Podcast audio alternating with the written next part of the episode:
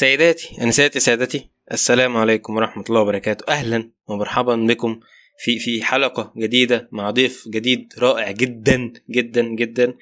أستاذ مهند أهلا بيك يا أستاذ مهند. حبيبي. أهلا بيك يا أستاذ مهند. أهلا أنت عارف أنت عارف إحنا بقالنا كام يوم عايزين نعمل الحلقة دي؟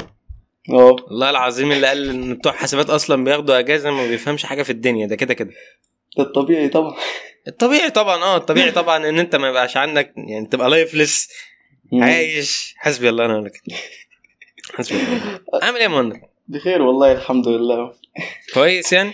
والله الحمد لله يعني والله زي ما أنت. شايف يعني. والله أنا مش شايف حاجة للأسف يعني كلنا عمتنا كلنا. يلا الحمد لله.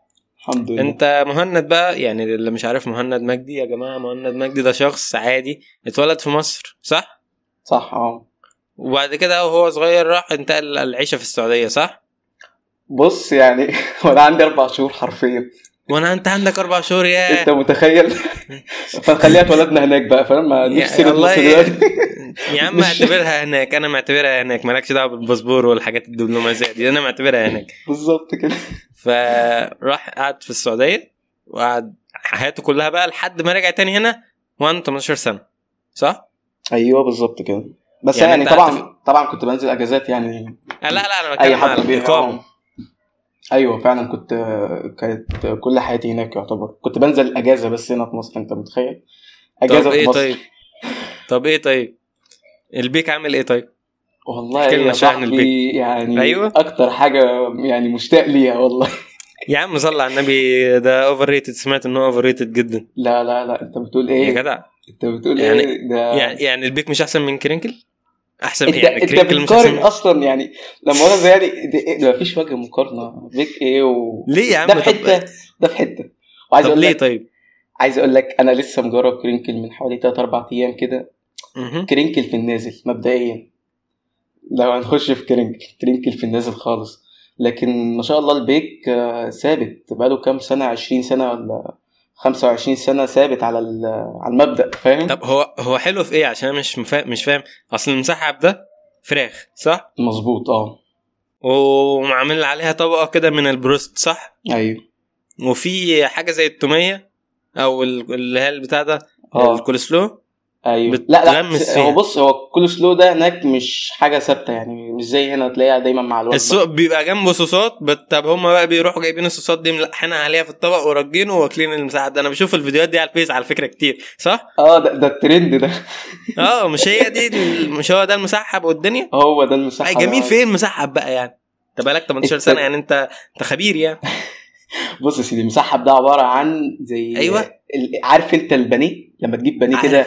وتعمله في البيت أيوه عارف. لما والدتك بتعمله لك كده بتاع بانيه بيتي هو آه. نفس الشكل بس إيه بقى عاملينه مربع وحاطين وحاطين فيها تتبيلة خاصة بقى اللي هو إيه اللي بيعمل التتبيلة أصلا واحد كده بيخش المعمل و- وفاهم كل الكاميرات المعمل يلبس البلطو ويلبس الحاجات أيوة ويجيب والله. المقادير والله. عارف أنت يطلع علينا بالتتبيله بقى وصوت من الجنة. و- صح؟ لا عارف أنت الناس اللي بيبقوا لابسين آه، طاقية بتاعت ال ال- الشيف عادي شيف يعني. لا سيبك من الشيء عارف أنت الطواقي بتاعت ال- ال- العمليات بتاعت ال- العمليات. المستشفيات وكده ويلبس كلافز و... ويلبس زي للدرجة دي يا كده. راجل ده والله يمسك الفرخه إيه كده. هو بيشرح المسحب من الفراخ حيه ولا إيه؟ مش فاهم. ما أنت بتقول إيه طيب؟ بجد هناك ما التتبيلة دي بتاعت شخص واحد اللي يعرفها ما فاهم؟ شخص واحد بس؟ شخص واحد بس هو اللي طب افرض مات. لا دي ما أعرفش بقى يعني أكيد أكيد في الورثة. افرض مات يا عم. بقى. مات. طب افرض الورثة ما خلاوش البيت خلاه الباشا مثلا. أي حاجة يعني افرض.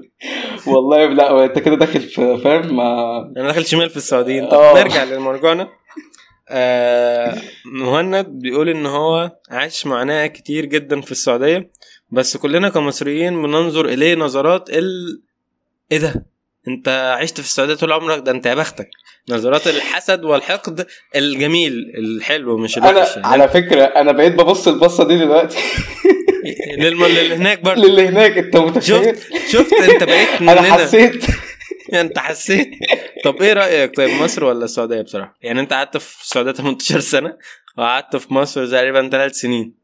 بص آه يعني هو صراحة ال ال يعني هناك في مميزات وهنا في مميزات. في أيوة، حاجات لي هنا مش. موجودة هناك فاهم ورقة وقلم ورقة وقلم مكتوب معايا ست الكل إيه المميزات اللي هناك وإيه المميزات اللي هنا بص اللي إحنا لو. جينا عديناهم المميزات أيوة. اللي هناك. هي يعني في مميزات كتيرة شوية يعني في حاجات كويسة جدا ده بالنسبة مثلا؟ لهناك هقول لك أنت بتقول. حاجات ك... يس أنت عمال تتعمم في الموضوع أنت حاجات كتير هناك حاجات كتير هنا ما تدخل في الموضوع على طول امسك كده واحد اتنين تلاتة واحد اتنين مثلا تلاتة بص إيه أبسطها أبسطها جدا أبسط حاجة، ال. ال يعني لو خدنا مثلا الدراسة أبسط حاجة. يعني إحنا لو قارنا ما ينفعش أصلا مصر تتقارن بالدراسة بره مصر. يعني لو لاحظت ما حدش بيقول لك أنا بدرس بدرس في مدينة كذا أو أو بدرس في بلد كذا. بيقول لك لأ أنا بدرس بره مصر. من الآخر. يعني ليه؟ لأن الدراسة جوه مصر غير بره مصر حتى لو في الصومال. فاهم قصدي؟ دي أبسط. حاجة. لو جينا السعودية طبعا مالناش دعوه بالصومال لو جينا في السعودية دعوه بالصومال طبعا. آه. لو جينا في السعودية مثلا آه، هناك بيتعاملوا معلش هو آه الدراسة هناك مش بتاخد المعلومات الكافية آه يعني. المعلومات قدامك يعني أنت قدامك الحلو وقدامك الوحش اللي هو قدامك الترفيه واللعب والهزار وقدامك الدراسة أنت اللي بتختار ده الطبيعي. يعني بس إيه طيب؟ أنا مش فهمتش الحتة دي. أفهمك الحتة دي اللي هو بمعنى إيه؟ إن إن أنت قدامك إنك عايز تدرس تدرس يعني إيه؟ يعني قرب الامتحانات بس أنت ممكن تقضي السنة كلها بتقضيها لعب وهزار وكده وتيجي. قرب الامتحانات. في حاجة هناك اسمها مراجعة. مراجعة هناك مش زي هنا. مراجعة هناك بيديك حوالي آه، 100 سؤال ولا 50 سؤال هيجي منهم 40 مم. فاهم؟ بيجوا بالنص. فاهم قصدي؟ مم. وممكن أصلا يديك ال 40 سؤال كلهم من غير ما يزود لك عليهم. ده مبدئيا. ومين بيديك؟ اللي بيديك برضه مدرس. والغريب في الموضوع إن المدرس ده بيبقى معظمهم مدرسين مصريين. ده بعيدا. عن ال- الحكومي. المدرس الحكومي. لا لازم يبقى سعودي. وبرضه السعودي بيدي بس الفكرة في الكونسبت نفسه اللي هو إيه برضه مصري بيعلمك بس هو مطلوب منه إن هو إيه يريح الطالب يدلع الطالب يهشتك. الطالب فاهم؟ يا عم مش هاشتك جميل. يعني اللي هو إيه بس- إحنا بنعديكم. طب وده مش مضر شوية؟ تمام. إحنا لو قلنا إن هو إيه هو آه مضر. بس مم. معلش ال... انت لو قارنت الستريس اللي بيبقى عليك مثلا يعني أبسطها طالب ثانوية عامة هنا أنا يعني استغربت هو إيه إيه الجو ده؟ أنا عشان ما حضرتش الثانوية هنا على حاجة. بس إيه الجو ده؟ إيه بس اللي هقول لك على حاجة. آه. وفي الآخر برضو إحنا مهم بالنسبة لنا إن هو الطالب يتعلم. سواء كان غلط كان صح الطالب لا يتعلم. مؤاخذه آه، يتعلم وهو أنت عنده محطوط على الحافة. لا أنا قصدي في حتة إن أنت في مصر أنت ما اتعلمتش فخلاص. مع... معلش أفهمك ما حاجة فيش بيزس إيه- أنا بتكلم في عايز أتكلم في نقطه بس إن هو في فرق بين الطالب السعودي أو الطفل السعودي والطفل المصري في نقطة إن هو الطفل المصري لو ما اتعلمش هو كده كده أنا عايز أقول لك إن الموضوع ده ظالم شوية من ناحية إن أنت بتحمله مسؤولية هو مش قدها نفسيا هو لسه مش ناضج كفاية عشان يتحملها فاهم؟ أه. فأنت بتضطر إن أنت تحملها له من غير ما ما تفهمه أو من غير ما تخليه ينضج. يعني انت في اسلوب تاني ممكن تخليه ينضج الأول وبعد كده هو من نفسه هيلاقي ان الضغط ده عليه بقى أقل وهو عشان مسؤول. هو دلوقتي الطالب المصري اللي عنده 18 سنة في ثانوية عامة ما هو مش مسؤول صح؟ لا يعني هو لا هو مش مسؤول. لا هو مش مسؤول. هو انت لو سبت له السيف في السيف هو ولا هيتعلم ولا نيلة. لا صح؟ لأن- لا. لا إيه؟ بالعكس بالعكس. هتلاقي لا ناس والله. كتيرة هتلاقي ناس كتيرة بتحب الدراسة. حلو. في ناس كتيرة بتحب الدراسة دول من- ناضجين. أنا مش بتكلم أنا عن الناس أنا ما معاك بتكلمش في عن الزمن ده. أنا متفق معاك في الجملة اللي أنت قلتها في الزمن ده الفترة دي. لكن أنا مثلا ما لو بتكلمش عن المنظومه أنا بتكلم على فكرة الطالب. أنا بتكلم دلوقتي أنا أخويا مثلا أخويا لو في ثانوية عامة تمام؟ وأنا ما ضغطتوش سبته لوحده. هيجي عليه وقت هيجي عليه نقطة اللي هو إيه؟ لا أنا هو ضميره ده. آه هو ضميره بالظبط. ماشي طب افرض ضميره في الزبالة. هو لسه ما نضجش يعني أنا ما أهلتوش قبل كده قبل الثانوية العامة إن هو يا معلم أنت هيجي عليك وقت إن أنت تتخذ قراراتك. لا أنا مثلا ده لا حال لسان حال المصريين كلهم في حتة إن أنا اللي بتخذ لك قراراتك أصلا. فاهم؟ فأنت ما صحيح، بجهزكش أصلا إن أنت هيجي عليك وقت إن أنت تتخذ قرار. فأنت كده كده بالنسبة لك والله لعب ولهو ومرح وبتاع ومش عارف إيه وبلاي ستيشن بقى وكورة وبتاع وتيجي في آخر السنة.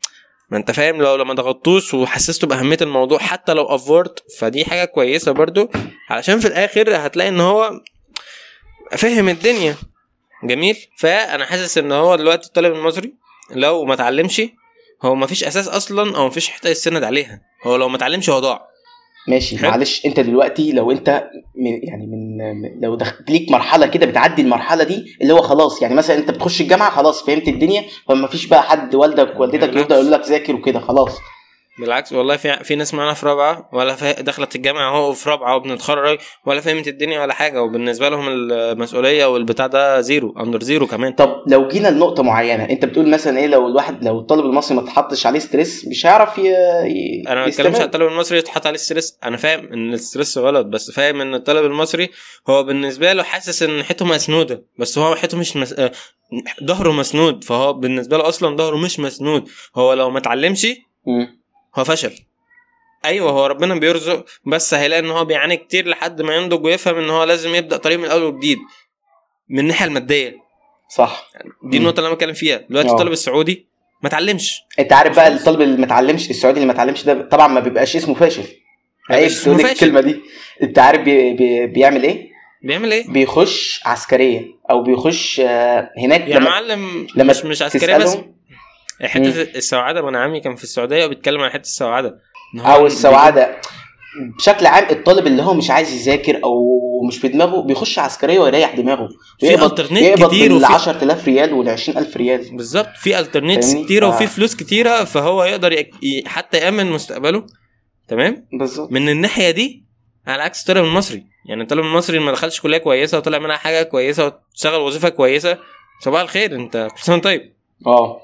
ف... ونبدأ بقى ندور على إزاي إن إحنا نهاجر بطريقة غير شرعية لمثلا السعودية أو نشوف آه، اسمه إيه ده نشوف آه، حد آه، عويل أو وكيل اسمه إيه ده اسمه إيه بيبقى اسمه إيه في السعودية اللي هو الشخص اللي بيبقى بيصرف عليك أو بيشغلك اسمه إيه كفيل كفيل كفيل كفيل. كفيل آه أنا ما فهمتش. المقصد اللي بتقوله بس تمام لا. يشوف حد يش- يشوف حد كفيل يعني يبدأ هو- هو آه. يشغله وكده ويعامله بطريقة وحشة يتعاملوا أيوه بالظبط فبما ان إحنا جينا لسيرة التعامل بطريقة وحشة هل السعوديين متنمرين وبيعاملوا بطريقة وحشة؟ ده سؤال مهم جدا لازم نجاوب عنه. آه انت آه. أنت بص أنت جيت كده في منطقة اللي هو أنا جبت مفك كده وجبت الجرح وعملت آه أنت شغال بتطعن في الجرح. اتفضل. بص يا معلم. ال... يعني بص هو بشكل عام السعوديين كلهم بنسبة كبيرة فيهم شوية عنصرية. يعني جميل. ده الطبيعي بالنسبة لهم. ده مي- ج- تمام. ده طبيعي. بين حتى بينهم وبين بعض؟ بينهم وبين بعض. يعني أنا عايز أقول لك أنا عايز أقول لك إن السعودي ممكن يدخل بيته ممكن يدخل بيته آه، أجنبي اللي هو اللي هو مثلا بنجالي. مثلا أو هندي وما دخلش سعودي. امم ليه بقى؟ هي هي كده اللي هو لا يعني أنا ما أضمنش السعودي السعودي أكيد زيي نفس الدماغ. فأنا أجيب حد إيه دماغه فاهمة شوية. فاهم قصدي. يعني انت شايف ان هو لو جينا نتكلم عن مميزات وعيوب السعودية ولو خدت بالك معلش معلش التعليم؟ انت لو خدت بالك حتى في نظام التعليم انت بتلاقي ان ال- ال- السعودي بي لما يجي يجيب مدرس ما يجيبش مدرس سعودي. بيجيب مدرس مصري مثلا أو مدرس آه, مدرس private يعني. آه مدرس private أو أو حتى في المدارس. المدارس الخاصة كلهم ما تلاقيش فيهم سعوديين غير الوكلاء المديرين بس. دول اقصى حاجة بالنسبة لهم. قليل جدا لما طيب. تلاقي سعودي بيدي ماده يعني السعوديين عموما طبعهم وحش؟ مش طبعهم. هي مش فكرة طبعهم. هي فكرة فكره إيه؟ فكرة إنه إيه؟ يعني هم فيهم كويسين فيهم ناس كويسة. جميل. يعني أنا صراحة اتعاملت مع ناس كويسة. دي يعني ممكن تلاقي واحد أو اتنين طبيعي. من وسط عشرة. طبيعي أنا بتكلم مثلا مقارنة السعودي بالمصري أنت جيت أنا قعدت في مصر ثلاث سنين هو فكرة ظالمة لأن إحنا بنبقى أطفال بتبقى المعاملة حاجة تانية والكبار بنبقى حاجة تالتة خالص والنضج والحاجات دي كلها وأكيد أنا كواحد مصري ما هو أنا برضو كان في مصريين كتير متنمرين ووحشين ومريت بيهم في حاجات في حياتي عموما بس. أنا بتكلم في حتة إن هو السعوديين عموما بقى كاوفر فيو مش بتكلم على اللي أنت بص أقول لك. صراحة أقول لك صراحة. من الآخر هي الفكرة برضو إن إيه إن في كل منطقة ليهم تعاملهم الخاص يعني أنا عشان كنت عايش في منطقة بدو فالتعامل هناك صعب فاهم قصدي اللي هو إيه. فاهم قصدي لما تكون في منطقة يعني مثلا لما تكون في الصعيد طبعا الصعيد أهلنا وراسنا يعني على راسنا. كلنا وإحنا كلنا صعايده ده من الصعيد بس تمام بس الصع... الصعيد بشكل عام ليهم معتقدات وليهم يعني حاجاتهم الخاصة. آه تقاليد معينة ليهم أو فاهم. فنفس النظام في السعودية أنا كنت عايش في منطقة في الشمال اسمها مم. تبوك دي مم. كانت بينها وبين بينها وبين مصر يعني مفيش حاجة يعني حاجات بسيطة اللي هو حوالي 100 كيلو أو 200 كيلو تعدي بس البحر الأحمر فاهم قصدي؟ آه آه آه تمام. فحرفيا كان برضو شبكة ال ال ال الاتصال بتاعت سوا. اللي هناك بتاعت السعودية قصدي بتاعت مصر أيوه كانت بتشتغل معايا. فودافون كان. بيشتغل معايا الشبكه بتوصل. مش ده موضوعنا. الفكرة بقى إن إيه؟ إن كل منطقة ليها إيه؟ معتقداتها. فاهم. قصدي؟ فأنا لما كنت عايش في بدو فأنا بحكم على المنطقة اللي أنا عايش فيها اللي هي بدو. كلهم بدو مم. وكلهم دماغهم فاهم؟ كده ناشفه. آه، كده فاهم؟ هو أنا كده. فحرفيا كان التعامل هناك صعب. فاهم قصدي. فأنت مثلا لو جيت عشت في جدة أو عشت في الرياض لا متحضرين شوية عن الموضوع ده. فصراحة لا يعني اللي أنا كنت عايش معاهم أو كنت بتعامل معاهم لا أنا قضيت سنوات كتير تنمر يعني حرفيا. التنمر ده كان حاجة في. القاموس. احكي لنا موقف اتنين تلاتة بس. موقف. موقف. موقف يعني إيه؟ الحاجات دي بتضحك فاحنا بن- يا عم. دلوقتي. بتضحك إيه يا عم؟ دي اقسم بالله يعني الحمد لله ان أنا عديت من الفترة دي على خير. احكي طيب. بص يا سيدي شكلك كان قلقان قوي مش قلق يعني أنا كنت بس كنت كان في موقف حصل معايا يعني. صراحة يعني انت عمرك تخيلت ان انت تبقى مع مشكلة مع ال... كنت في مدرسة. فتبقى مع مشكلة مع الفصل كله. يعني الفصل كله ضدك. يعني. والله يعني دي كانت مشكلة بالنسبة ده يعني دي أكبر مشاكلي لما كانت إيه في السن ده. التنمر ده كان أكبر مشاكلي في وقتها. طب هو إيه السبب؟ طب يعني احكي لنا إيه هقول اللي حصل هقول لك. هقول لك لو اللي. ينفع يعني. لا ينفع طبعا عادي. بص. في آه، كان في اتنين بس في الفصل دول أجانب. أنا طبعا هناك بالنسبة لي بالنسبة لهم أجنبي اللي هو. مصري مش يعني. سعودي أجنبي طبيعي جدا. أيوه بالظبط. ففي اتنين آه، أنا وواحد أردني. تمام؟ مم. كنا إحنا الاتنين متصاحبين مع بعض وبس يعني إحنا يعني يعتبر إحنا الاتنين شلة. فاهم قصدي؟ إحنا بس. مم. والفصل كله كان كلهم إيه علم آه، في الضياع خالص. فاحنا اللي كنا قاعدين قدام وبنجاوب وفاهم عارف انت مع بعض وكل حاجة سوا وكده. فجأة لقينا لك إيه يا سيدي عارف انت شغل ال- اللي هو إيه ينقل لك كلام ده بيشتمك بيروح لصاحبي يقول له ده بيشتمك ومش عارف إيه وبيقول عنك كذا بيفرقوا. بينكم؟ حاجة زي كده. أنتوا؟ يعني هم شايفين ان أنتم متص- متصاحبين وحلوين زي السمنة على العسل في أيوه بينكم. بالظبط. بالظبط حركات. صهاينة من السعوديين مبدئيا والله بس فلا هي نفس يعني. هتلاقي في بعض الخصال كده عند السعوديين برضو إيه يعني منتشرة في العالم كله يعني مش مش شرط في السعودية بس. بس يا سيدي قعدت قعدت فترة كده بيعملوا النظام ده وإحنا بنتخانق كل شوية طبعا هو صاحبي خناقتنا اللي هو يعني مش بس لحد اللي ما يكلمنيش مثلا اللي هو مش خناق خناق لأن إحنا آه مش- عارفين بعض. كويس لا عارفين بعض كويس وأهله يعرفوا. أهلي و... ونفس النظام ده. كان خمسة ابتدائي فده الطبيعي يعني. فالحمد لله يعني إيه آه لقيت لك مرة واحدة هو اتخانق دخلت في خناقة أنا وهو. وصلت بقى لحد الضرب. دخلنا في خناقة وكان الفصل كله معاه عليا. معاه؟ عليا. عليك. صباح الفل. ليه بقى؟ كان كام واحد؟ كان في حدود آه 20 واحد. يا نهار أسود. 20 25 واحد. الحمد لله الحمد لله. إبراهيم الأبيض. لا ما أنت ما تعرفش اللي حصل فيا أنا اتمرمطت حرفيا. يا نهار أسود. الشنطة بتاعتي خدوها بالكتب بكل حاجة رموها لي كده في الشارع فاهم؟ اتمرمطت. تاني يوم ليه ليه؟ استنى بس الحمد لله يعني إيه عملت كذا لقطة كده بس طبعا جريت بعدين. كنت يعني العرق المصري طق منك. لا لا الجري نص الجدعنة سبت الشنطة وجريت العرق المصري نطر منك. مع- فيك والله والله يا ياسر هناك هناك بيخافوا جدا. يعني أنت لو دخلت الفصل وعلمت على واحد منهم قدامهم خلاص كله هيسيبك بس أنا ما كانش عندي الجرأة دي قوي صراحة يعني.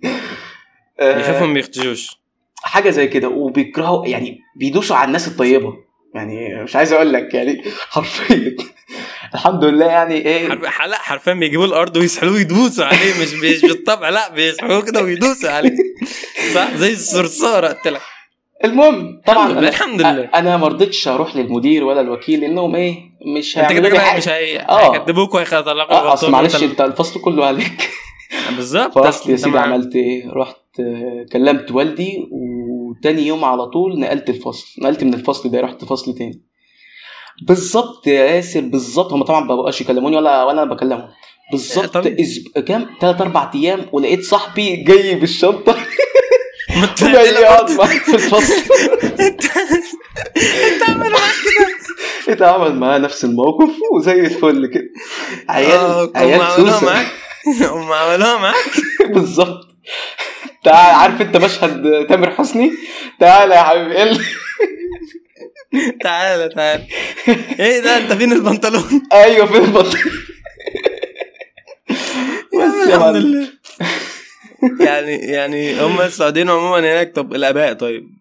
تحس إن هم برضو واكلين كبسة وكده اللي هو دماغهم مش شغاله على طول؟ لا لا تحس إن دماغهم مش بت... لو الناس اللي بتاكل كبسه دي بتحس إن هو إيه جالك تخمة كده فأنت دماغك بتبطل تشتغل أصلا. آه. دي حاجة مش ب... مش تريقه لأ دي حاجة في ال... في البي... في البيولوجيا إن أنت الدم بينقل من المخ للبطن عشان يبدأ إن هو يهضم فدماغك ما فيهاش دم كفاية فأنت إيه مريح بالظبط آه اللي هو فتحس إن هم مريحين على طول صح؟ آه لأ يعني الراحة دي بس طبعا في ناس كتيرة محترمة يعني في ناس أنا ما بتكلمش على فكرة الاحترام دي حاجة لها فاهم. علاقة بالأداء ناس. فكرة إن هو إيه ناس إن أنت بتيجي تكلمه في حاجة دلوقتي فهو مش مركز معاك هو عايزك تخلص عشان فاهم؟ أيوه خلاص. أيوه. أيوه هم كلهم كده مسهتنين كده؟ عارف أنت في في في كلمة كده كانوا بيقولوها مش فاكرها بالظبط بس هفتكرها لك يعني. اللي هو إيه؟ كأنهم آم، زي طفشانين طفشانين طفرانين؟ دي لا دي معاهم لا فلوس. طفرانين دي فلوس وهم كلهم معاهم فلوس ما شاء الله. آه لا دي الطفرانين دي كلهم معاهم فلوس. كلمة كده هفكر لك فيها وأقولها لك. المهم يعني انت شايف دلوقتي ان إحنا لو حطينا مصر في مقارنة طب انت في مصر طيب التعامل معاك هل أصلا قابلت اي حاجة زي كده من ساعة ما نزلت؟ لا صراحة الحمد لله هل يعني أصلا وقعت في أي لا مشكلة ده مع كمان مصري؟ عايز أقول لك عايز أقول لك أنا يعني في مواقف كتير برضو من مصريين يعني عايز أقول لك إن برضو كان في مواقف من مصريين حصلت معايا في السعودية يعني عايز أقول لك ده ده ليه موضوع تاني خالص ده اللي هو ليه طيب؟ هقول لك يا سيدي أنت مثلا إيه أنت ك... ك... كياسر أو يعني أي حد مصري لما بيبقى قاعد هناك بي... لما يلاقي حد مصري زيه بيبقى اللي هو إيه مع بعضينا فاهم؟ إحنا إحنا في المفروض. إحنا عشرة وغربة آه وبتاع. فبنبقى مع بعضينا فإحنا ملناش غير بعض يعتبر. جميل في المفروض. الغربة. ده, ده المفروض. أيوه. آه لأ بقى يا سيدي هناك آه الموضوع كان مختلف معايا شوية. الموضوع كان إيه لا أنت لم بيحب يعلي عليك اللي هو عشان يكسب عليك بونت بالنسبة للسعودي اللي هو آه. يتنمر عليه فيبقى شبه السعودي فالسعودي يحبه صح؟ إيه ده إيه ده أنت عرفت إزاي لا هو والله العظيم يعني حرفيا بنفس الطريقة اللي أنت قلتها اللي هو يحاول يدوس عليك برضو عشان يبقى صاحب هي نفس السعودي الموضوع ده كان بيتعمل معانا لما يبقى في حد روش آه، في حد روش في في ال- في المدرسة يعني. وواحد عايز يصاحبه فيلاقيك انت صاحبه يعني أنا صاحب واحد وفي واحد روش تالت إحنا مش عارفينه بس اللي معايا صاحبي عايز يصاحبه. فكان بيعمل حاجة شبه كده اللي هو يجي يعلم عليك قدامه أو حتى البنات مش حتى الناس الروشين اللي هو فاهم؟ عشان يبان إن أنت بتاع يعلم عليك قدامه أو يعمل حركة كده بتاع يقل يقل منك عشان يروح يتقرب له. بالظبط أيوه بنفس الطريقة. دي حركه ما ما دي زبالة يا جدع. رادعين زبالة إن شاء لا الله. ده مش الدرجات دي يا جدع يعني معلش إحنا ده إحنا حرفيا كنا بنقعد مع بعض أكتر ما بنقعد مع بقى. فمش كده. عايز أسأل سؤال. مم. إيه مصير الناس المصريين دول؟ مصيرهم إيه بعد؟ يعني هل أصلا بيوصلوا إن هم بيبقوا زي سمن العسل مع السعوديين وبيبدأ يستغلوا كده عارف أنت الناس ال أقول لك أنا. ال مش عايز؟ مش عايز أقول لفظ بس. قول لفظ وانتهيته في مونتاج في مونتاج. في منت... ما أنا عارف بس. قول لفظ وانتهيته قول اللفظ وانتهيته عارف أنت أحمد موسى؟ يا الله. نفس الأشكال دي بتلاقيهم هناك والعصافير كتير. يعني فاهم؟ بعيدا عن الجو ال- الصحوبية وكده لا هو عنده أكل عيشه. لا مؤاخذه يعني، أكل عيشه. آه لا هو الفكرة إن أنت شايف معاك سعودي ومعاه فلوس أكتر منك فأنت أكيد لازم تستغله. مش لازم تست... عقله بيقول له لازم تستغله اللي هو طب ما, ما نستغله. صح. يعني. هنا بقى العرق المصري اللي بجد بيظهر. طيب يعني عموما يعني هل أصلا مصيرهم إيه في الآخر الجماعة دول؟ هل أصلا بيوصل إن هم السعوديين بيسكتوا؟ يعني أنت كواحد سعودي لا. هل كان بيشوف إن هو بيستغله عادي وتمام وتعالى استغلني وخد فلوسي وتصرف عليا لا ده؟ الفكرة بقى إن السعوديين مش أغبياء للدرجة دي ما هو فاهمين الدنيا أنا فكرة في كده إن هو مصيرهم؟ بيبقى وحش آه هم آه بي بياخدوا لهم صيت شوية يعني بيتصيطوا شوية وفي الآخر بي بيترموا زي. بي آه بيتر- بيتركلوا كده زي ال- اللي قبليهم ما يعني عشان فاهم قصدي؟ آه السعودي برضو شايف إن هو مقرب له عشان فلوسه أو عشان العربية اللي معاه ده لما كبرته أو الكلام ده. فهو هو ده ما هو مش غبي ما هو عارف عارف إن أنت الحاجات دي لو اتمنعت صباح الخير بالظبط آه يعني هو مش عارف مش مش عارف هو عارف إن أنت مش عشان سواد عيونه لا أنت لسه دايس على واحد صاحبك مصري دلوقتي فأنت لو رحت هتدوس عليه برضو لحد تالت وهكذا. أيوه بالظبط. اللي هو يعني حتى ادوا نظرة السعوديين لينا مش كويسة فاهم؟ اللي هو المصريين عموما. آه المصريين عموما. إن هو أنت جاي تستغلني وبتاع. أنت عارف أكتر أكتر بلد أو أكتر يعني دولة الصعوبيه فيها يعني اللي هو إيه حرفيا السودان السودان حرفيا لا يعني ما شاء الله عليهم في أي حتة تقابلهم سوداني لو قابل سوداني بيسلم عليه ويحضنه وكأنه يعرفه من سنين حتى لو لسه. عارفه دلوقتي حتى لو ما يعرفوش أصلا. يعني فاهم لا صراحة التعامل مع السودانيين برضو حاجة جميل. جميلة السودانيين دول لهم وقت تاني وحلقة تانية ودنيا تانية هنركز دلوقتي في السعوديين ونسأل ونقول. هل شايف عموما إن المصريين بيتعاملوا بطريقة أجمل من السعوديين مع عموما مش مع المصريين والسعوديين أنا مش مع الأجانب أنا بتكلم عموما. يعني شايف التعامل في مصر هنا. كتعامل بين البشر مش تعامل الحكومات واللي هي المصالح الحكومية والبتاع دي لأن إحنا عندنا خرا إحنا معترفين بده. بس بنتكلم في التعامل بين البشر. هنا في. مصر أحسن من التعامل بين البشر هناك في السعودية؟ التعامل مع السعوديين مع بعض ولا مع ال... لا التعامل في العموم يعني إحنا مثلا كواحد مصري بتعامل مع المصري وبتعامل مع الغير مصري. أنا لسه ما شفتش غير مصري بس لو شفت غير مصري هتعامل معاه فاهم؟ آه آه. فاللي هو التعامل في يعني أنا كمصري بتعامل بطريقة أحسن من السعودية ولا لأ؟ اللي هو هل والله لأ يعني أنا شايف الاتنين زي بعض. يعني في بنسب. بنسب. يعني إيه لما مؤاخذة يعني هناك هناك في السعودية برضو في ناس محترمة كتير فأنت بتتعاملوا معاك حتى لو ما يعرفكش أنت جنسك إيه بي... بيحترموك ويقدروك وكده. هنا برضو نفس الشيء في مصر يعني سبحان الله في كل في كل عالم هتلاقي نفس النظام اللي هو إيه في ناس. كده وناس كده. بس يعني- العنصرية هناك زيادة حبتين. أو بالذات في الفترة اللي أنا عشتها هناك يعني أنا دلوقتي بقالي ثلاث سنين هنا في مصر فمش عارف هل في حاجة اتغيرت هناك ولا لأ.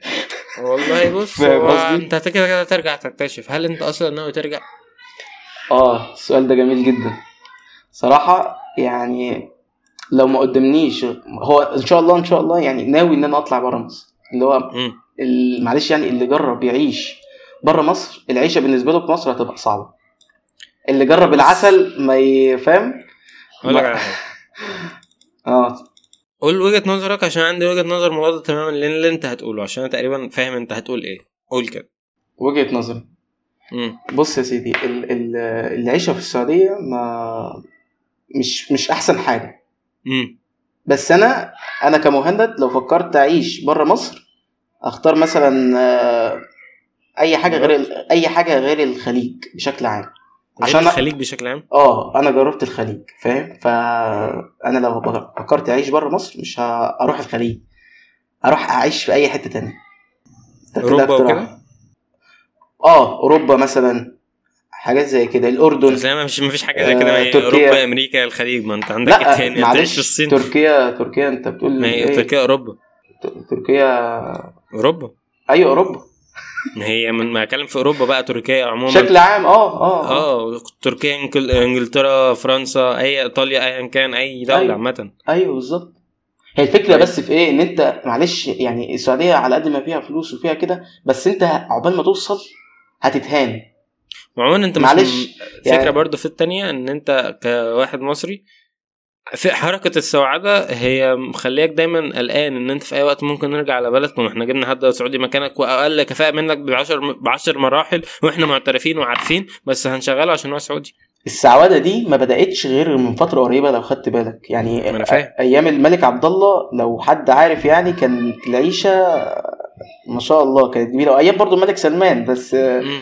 الحمد لله يعني السعوده دي ما بدأتش غير في عهد الملك سلمان محمد بقى لا امير محمد لا ال- الأمير محمد الأمير محمد ده ما هو ابنه. الأمير محمد ده. ابنه ده- ده ولي العهد. ال- ما أنا فاهم ما هو اللي بياخد القرارات دلوقتي هو ال- الملك بي... اللي أنا فاهمه عن المملكة مم. إن الملك بيبقى موجود بشكل صوري بس اللي بيبقى زي رئيس الوزراء هو بيبقى ابتدى ولي العهد آه فهو اللي بياخد القرارات يعني القرار ده مش قرار والله سلمان قد ما أنا قرار أنا ماليش أنا. ما أعرفش في ماليش في السياسة. بس أنا فاهمه بس يعني ممكن أنا ما عموما. عموما مش ملناش دعوة بس هي فكرة ال- السعودة إن هي أنت في أي وقت لو شغال في أي شركة لو شغال في أي position لو شغال في أي وظيفة sorry امشي جبنا حد سعودي مكانك آه وما تقدرش دي برضو تبقى آه دي تبقى أنت أنت على فاهم على الحافة اللي هو أنت مش عارف أنت معاهم ولا لأ ف...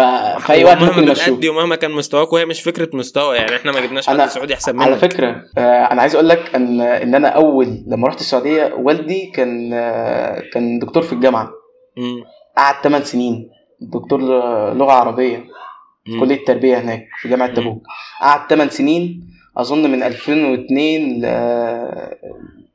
ل 2010 حاجة زي كده.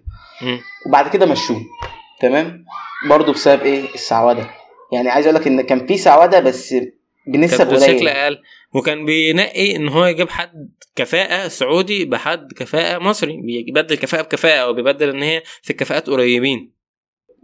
مش شرط الكفاءة. يعني عايز أقول لك برضو إن إحنا الدراسة هناك ما هو ده اللي معتمد عليه الدراسة برضو. يعني أنت لو لاحظت الدراسة هناك مش قد كده فعشان كده بيجيبوا اللي هو أنت كده في الحالتين كده كده ناجح أنت كده كده بتتنقل للمرحلة اللي بعديها. فبيجيبوا مدرسين بيساعدوا المدرسين فاهم قصدي؟ اللي أنا فهمته يعني إن إيه إن هم ال- المدرسين عشان كده.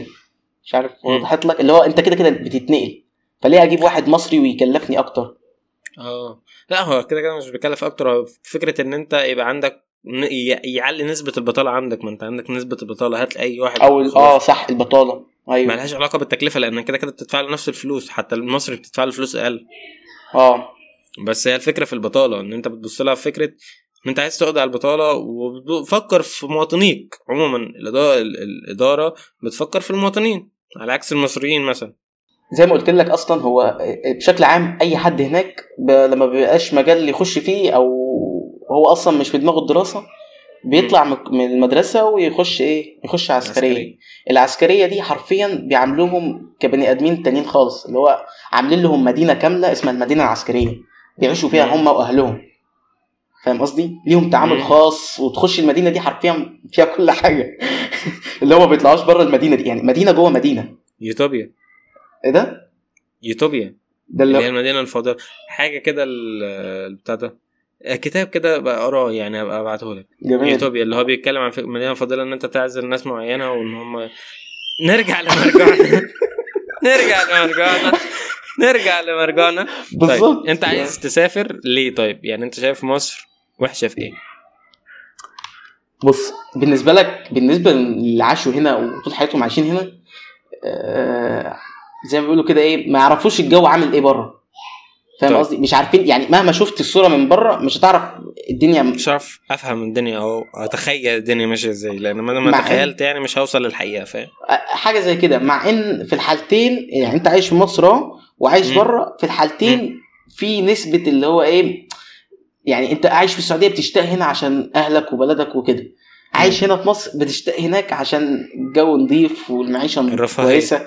لا مش رفاهية أكتر ما أنت يعني أبسطها أبسطها بتبقى ماشي في الشارع الأرض متسفلتة آه، شامم ريحه نظيفه فاهم قصدي؟ خلاص بقى يا راجل صلي على النبي صلي على النبي. المية نظيفه يا راجل صلي على النبي خلاص بقى. فاهم؟ حاجات زي كده.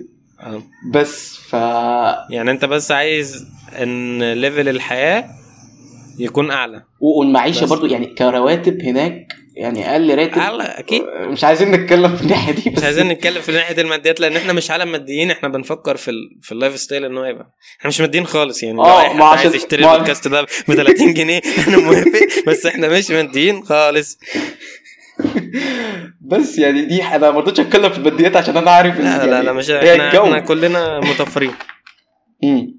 بس والله والله من غير مبالغة المعيشة في مصر برضو مش وحشة للدرجة يعني. معلش. ما أنا دي هي النقطة اللي الفكرة بتكلم فيها.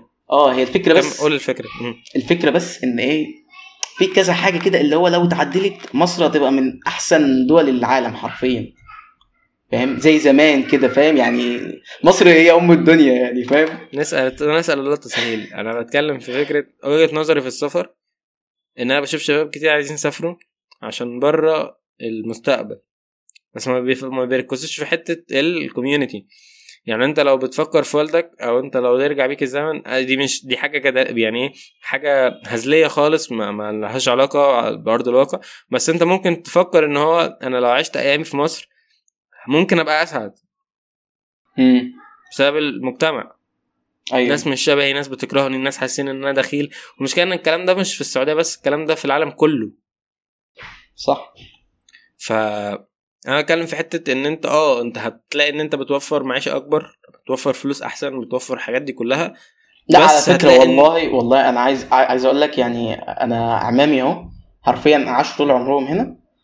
بس يعني طبعا ما عمامي ما سافروا ما- مش زي والدي بس. حرفيا يعني ميزانيتهم زي يعتبر نفس الميزانية يعني مفيش فرق مفيش فروقات هي مفيش فروقات. لحظية في ال life style آه. الفكرة الفكرة في إن إيه إن أنت بتاخد قرار كده من سن معين بيبني عليه بعد كده السنين الجاية فاهم قصدي؟ ما هي بتكلم في حتة إن أنت كطفل كمهند مم. لو جات لك الفرصة وحطيت في الاختيار وأنت عندك ست شهور أو أربع شهور وأنت بتسافر كده لا ما كنتش؟ هسافر ما كنتش هسافر صراحة شفت ليه؟ وانت وانت شايف دلوقتي ان انت لما تيجي تفكر في نفسك أصلا تلاقي إن في عقد كتير وكلاكيع كتير سببها السفر لو كنت هنا أيوة. هتبقى أقل أي- يعني عايز أقول لك في فروقات كتير بين بين خلاني وعمامي أو بمعنى صح بين ولاد خالاتي مثلا أو ولاد عمامي ما مش فاهم مش متعودين وجودي فاهم قصدي؟ أنا كنت مم. باجي شهرين وأمشي تاني فانت دي أه... يعني دي من أكتر الحاجات اللي بت... بتزعل الواحد أو بتحس إن أنت غريب في كل حتة أصلا. آه بالظبط فاهم قصدي؟ وبالذات غريب في بلدك وغريب بره. آه أنت بالذات كمان لو لو كنت بتقضي مثلا يعني ساعات كنت أنا بقضي العيد هناك. كنت العيد مثلا العيد الصغير أو العيد الكبير كنت بقضيه هناك ورمضان. فاهم؟ فلا اللي هو لا يعني إحساس مش حلو. فاهم؟ بس يعني الحمد لله يعني لا بس إحنا بص إحنا عايزين نبقى في النص ولا نبقى في السعودية ولا نبقى في مصر. بص هقول لك على حاجة. إحنا, الحمد لله في مجالنا. آه، حتة الكمبيوتر دي في فرصة مش متاحة لكتير من الوظائف في مصر إن إحنا نشتغل هنا بره يعني إيه هنا بره نبقى قاعدين هنا بس بنشتغل لصالح شركات بره أيوه أيوه مش. freelance أنا بتكلم في حاجات ثابتة. أيوه ما هو حاجة زي شركة كده اونلاين هي الشركة بتوظفك اونلاين تبقى موجود. موجود معاهم من ضمن عمل في ال team بيتك. انت لو ما ردتش لو جالك call أو حاجة للحاجة معينة يسألك فيها وما ردتش وأنت في بيتك. هيحصل لك مشكلة تتجازى أيوه أيوه عليها. أيوه أيوه. وفي restrictions أنت ما تقدرش تتحرك من مكانك. آه أنت في أهلك وفي بيتك وبتاع بس أنت تبقى متاح في فترة العمل. مم. حاجات كده. وتبقى طبعا تاسكات ومتحددة ال deadlines ولو miss ت ال deadline هتتخصم منك والحاجات دي كلها. طبيعي. أيوه. بس أنا بتكلم في فكرة الرواتب بتبقى الرواتب بتاعت بره. بس بتبقى قاعد هنا. فأنت بتبقى أخدت الحلو من الحاجتين. إن أنت أخدت هنا بقى مثلا الكوميونتي. بصراحة أنا بتكلم لو نتكلم بالنسبة للأطفال المصريين فالمجتمع في مصر أه يعني بجد ممكن أقول لك إن هو أجمل مجتمع لأي طفل مصري. آه الشوارع فيها حاجات وحشة بس مش زي بره. آه الحاجات الناس بتتعامل بطريقة وحشة وفي مساوئ كتير والأطفال في تنمر وبتاع بس مش زي بره. مم. على الأقل على الأقل على الأقل في ناس بتحبك. في أو انسانيه أنت عارف إن آه. هم هيحبوك من الأطفال. يعني ما بتكلمش عن الناس الكبار بتكلم إن أنت عارف إن في صاحبك واحد اتنين تلاتة هيحبك وبيحبك بجد. صح. فاهم قصدي؟ ودي برضو نقطة اللي هي فكرة اللي هي الصديق ال- أو الصديق ال- الطفولة. آه صديق الطفولة دي دي مش موجودة بالنسبة لي. أنت معلش فكرة إنك عندك صديق الطفولة مش موجودة بالنسبة لي.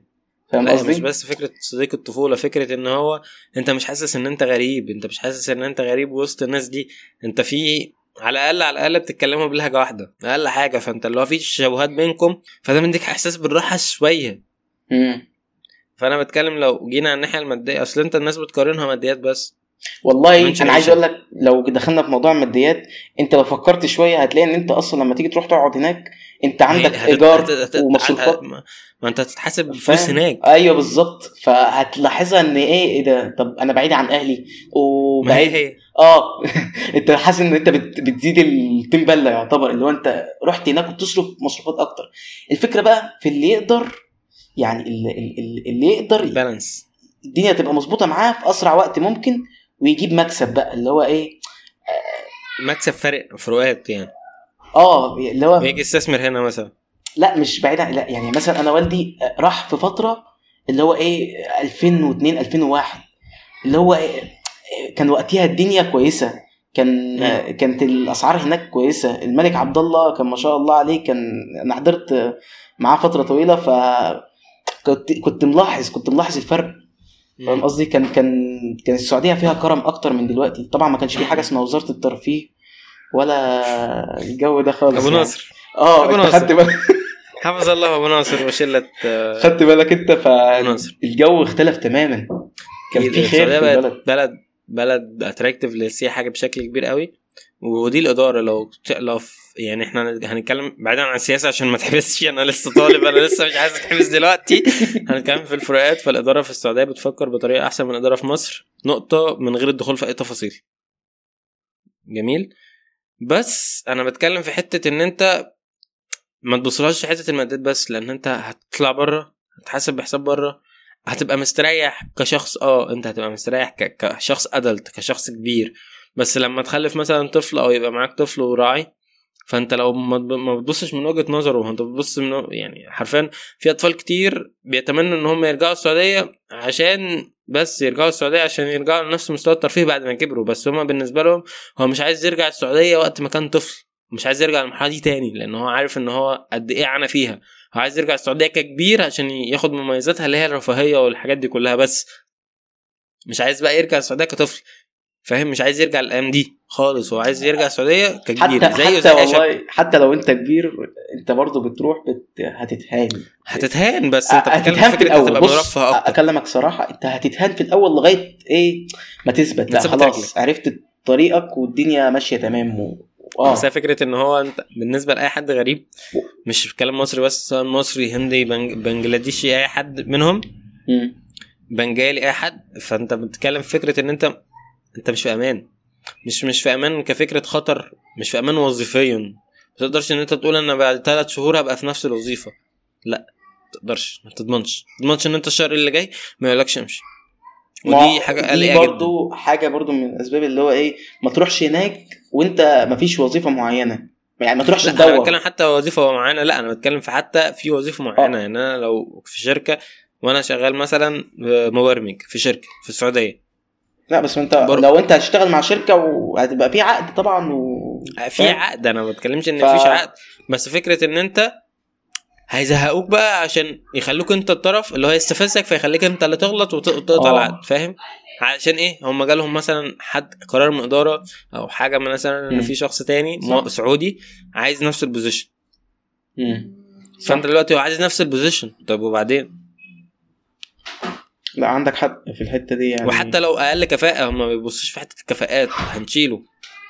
هنجيب اتنين سعوديين ونديهم فلوس أكتر ويشيلوا الحتة دي. مم. يعني ممكن المصري يبقى بثلاثه سعوديين يعني ثلاثة سعوديين يعوضوا واحد مصري لا في فكرة الكفاءة.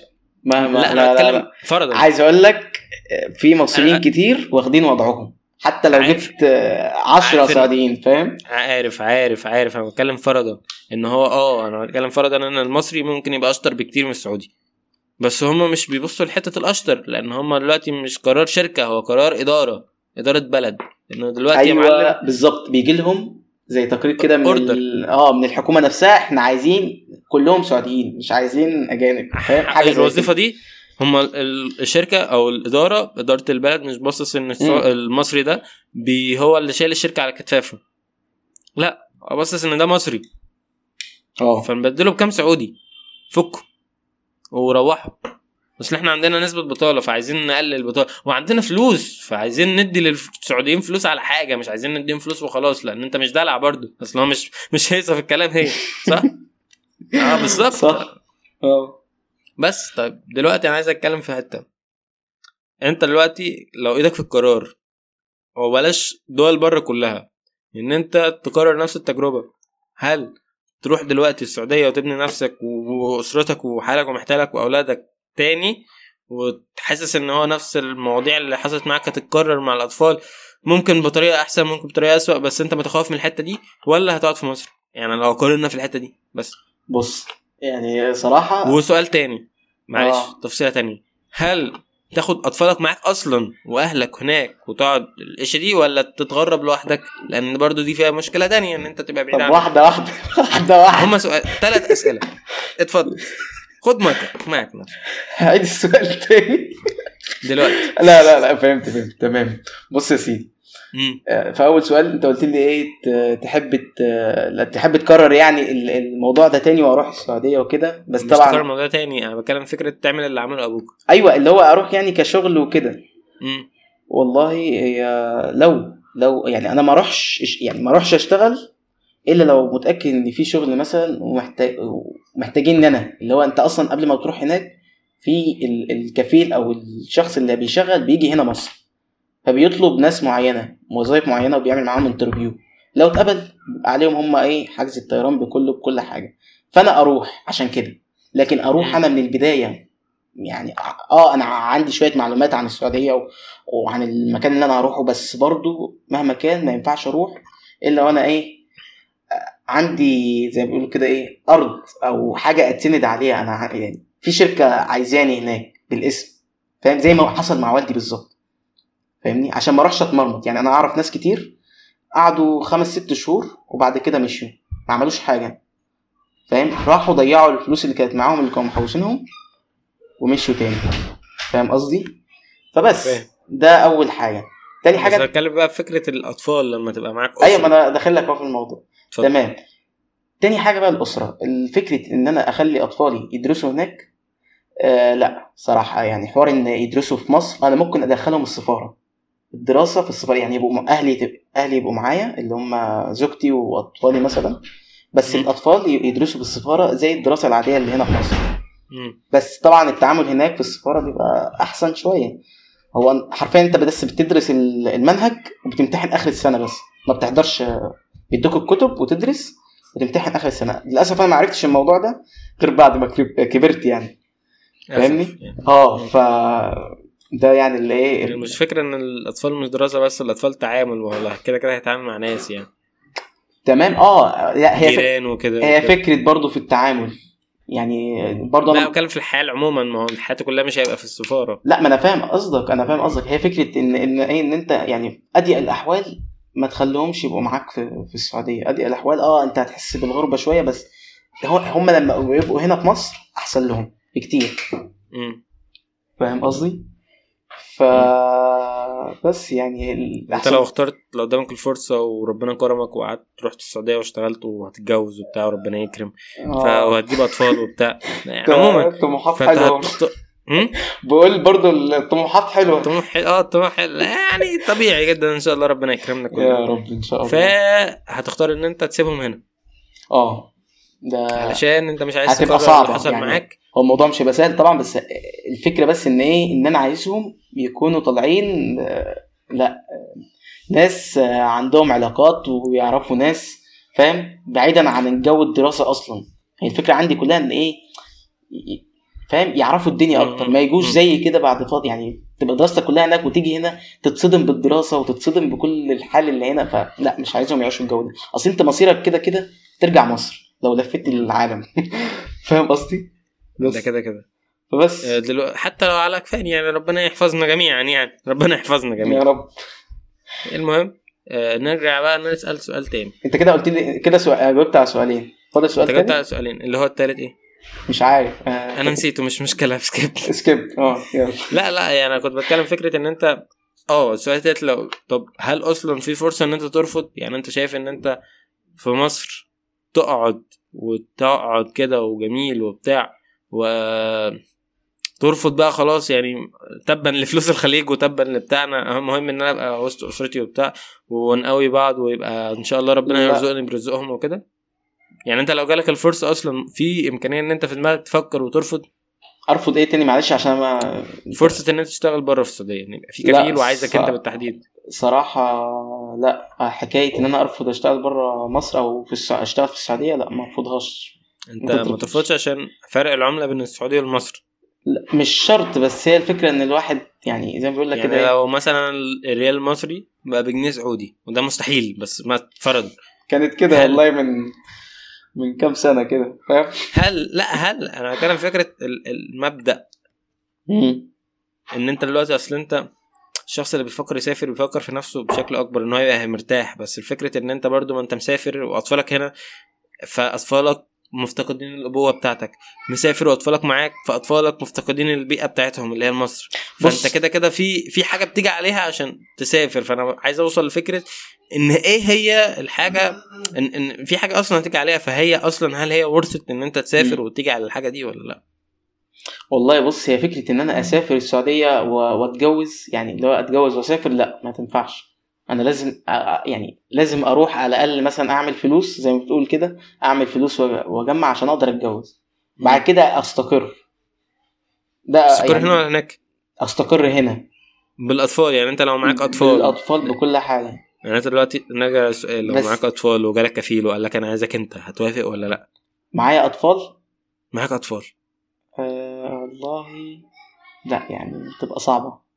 هتفكر. عموما هي- مش مش هي- لا آه كده كده مش مش بنقول قرار دلوقتي للمستقبل بس آه يعني مش هتوافق موافقة عامية أو هترفض الرفض ده عمياني هتفكر عموما في ال... في الوضع الحالي هي آه يعني على حسب الموقف وال بس هي أكيد. ك ك كمهند آه، كأنا يعني فكرة إن أنا آه، أعمل آه، أروح أشتغل هناك ومعايا أطفال مثلا أو كده هتبقى صعبة وكده. كده يعني فكرة إن أنا أسافر بره مصر الفكرة لسه يعني اللي هو إيه مش أكيدة أوي. يعني مش مش أنا قلت أه إن ممكن أسافر أه ما عنديش مشكلة. بس فكرة برضو إن أنت تسافر بره مصر ولما تيجي ترجع هيبقى ما عندكش حاجة تشتغلها هنا. فاهم قصدي؟ فأنت لما تبني نفسك من دلوقتي وأنت في مصر افضل لك حاجة يعني كمل كمل والله بسمعك. عطلت ليه؟ عشان أنا بقول كلام متناقض يا اسطى أنا إزاي يعني؟ براحتك عادي. بقول كلام. نفصص واحدة. واحدة. دلوقتي أنت بتقول إن أنت أصلا لازم تبني نفسك هنا. أنا بتكلم فكرة إن لو في حد بيسمعنا بيفكر في السفر مش عايز اتخيل إن الموضوع وردي. هناك هيمسكوك ويشغلوك ويحطوا لك بتاع ده بمينه في بقك ويرضعوك ويدوك فلوس وتمشي. مش كده. أنت هتتعذب أنت اللي هتتجلد في أوقات كتير. آه.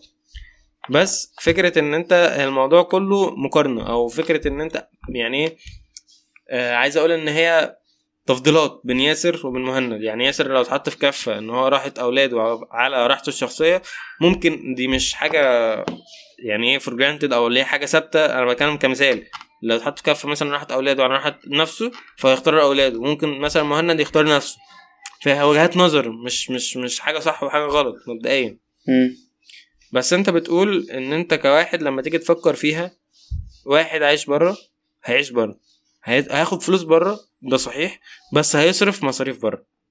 بالظبط آه. وفي حاجات تانية هيجي عليها فهي لو it's okay يبقى عارف بس ان هو الحاجات اللي هيجي عليها. عارف مثلا لما تيجي تسطب application جديد أو آه، بتاع جديد على على الكمبيوتر ويقول لك ال terms وال conditions والحاجات دي كلها إحنا ما بنقراهاش. في الناس اللي بتسافر بره برضو بيقول لك الحاجات اللي هتتخلى عنها أو الحاجات اللي هتيجي عليها واحد اتنين تلاتة هو ما بيقراهاش ما بيفكرش فيها. بيترك بيدركها فين بقى؟ وهو بره.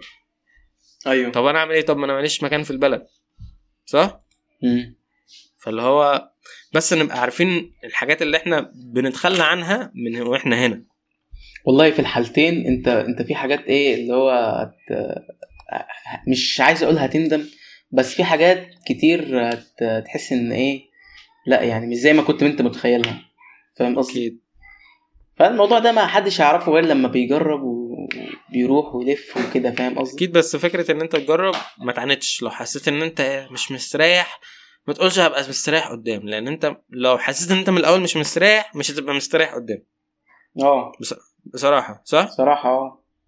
يعني أنت وحاول ما تخليش يعني معلش ما تخليش إيه اللي هو هدفي الأول إن أنا أروح مثلا الخليج أو أروح فاهم؟ سيبها لله كده وحاول ت- اشتغل تشوف على نفسك خليك كويس يعني عموما. آه. ورزق ربنا هيكرمك يعني. أيوه ربنا كده يكرمك بنفكر مش- إحنا ما يعني. في- رزقك مكتوب أنا ما بشتغلش؟ حضرتك صباح الخير.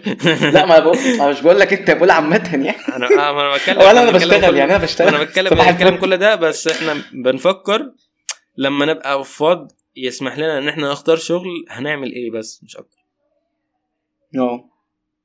فأنا ب- شايف إنه يعني أنت شايف ان هو لو عموما الشخص المصري بعيدا عن اللي راح السعودية ولا لأ كواحد راح السعودية وقضى فيها 18 سنة الشخص المصري كشخص يفكر ان هو يبني نفسه في مصر وممكن تلطش معاه وتيجي بره ولا يفكر ان هو يبني نفسه في بره وممكن تيجي وممكن لأ؟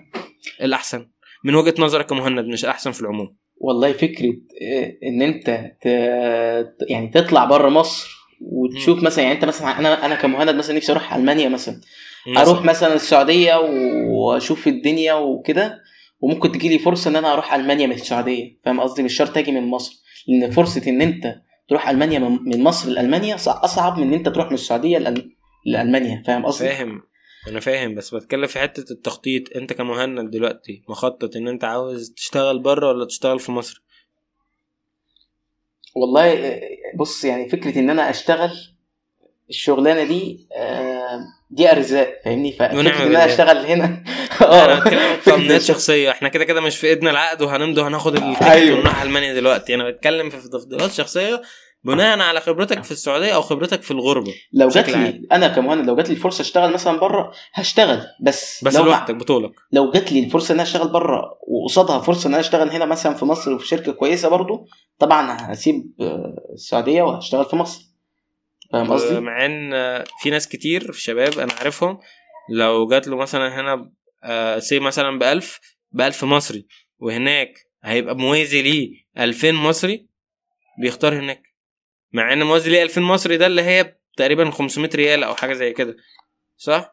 مع آه يعني أنت الحاجة دي لو حسبتها أصلا هت هو بيفكر فيها إن هي 2000 مصري بس مش فاهم إن هي 500 ريال.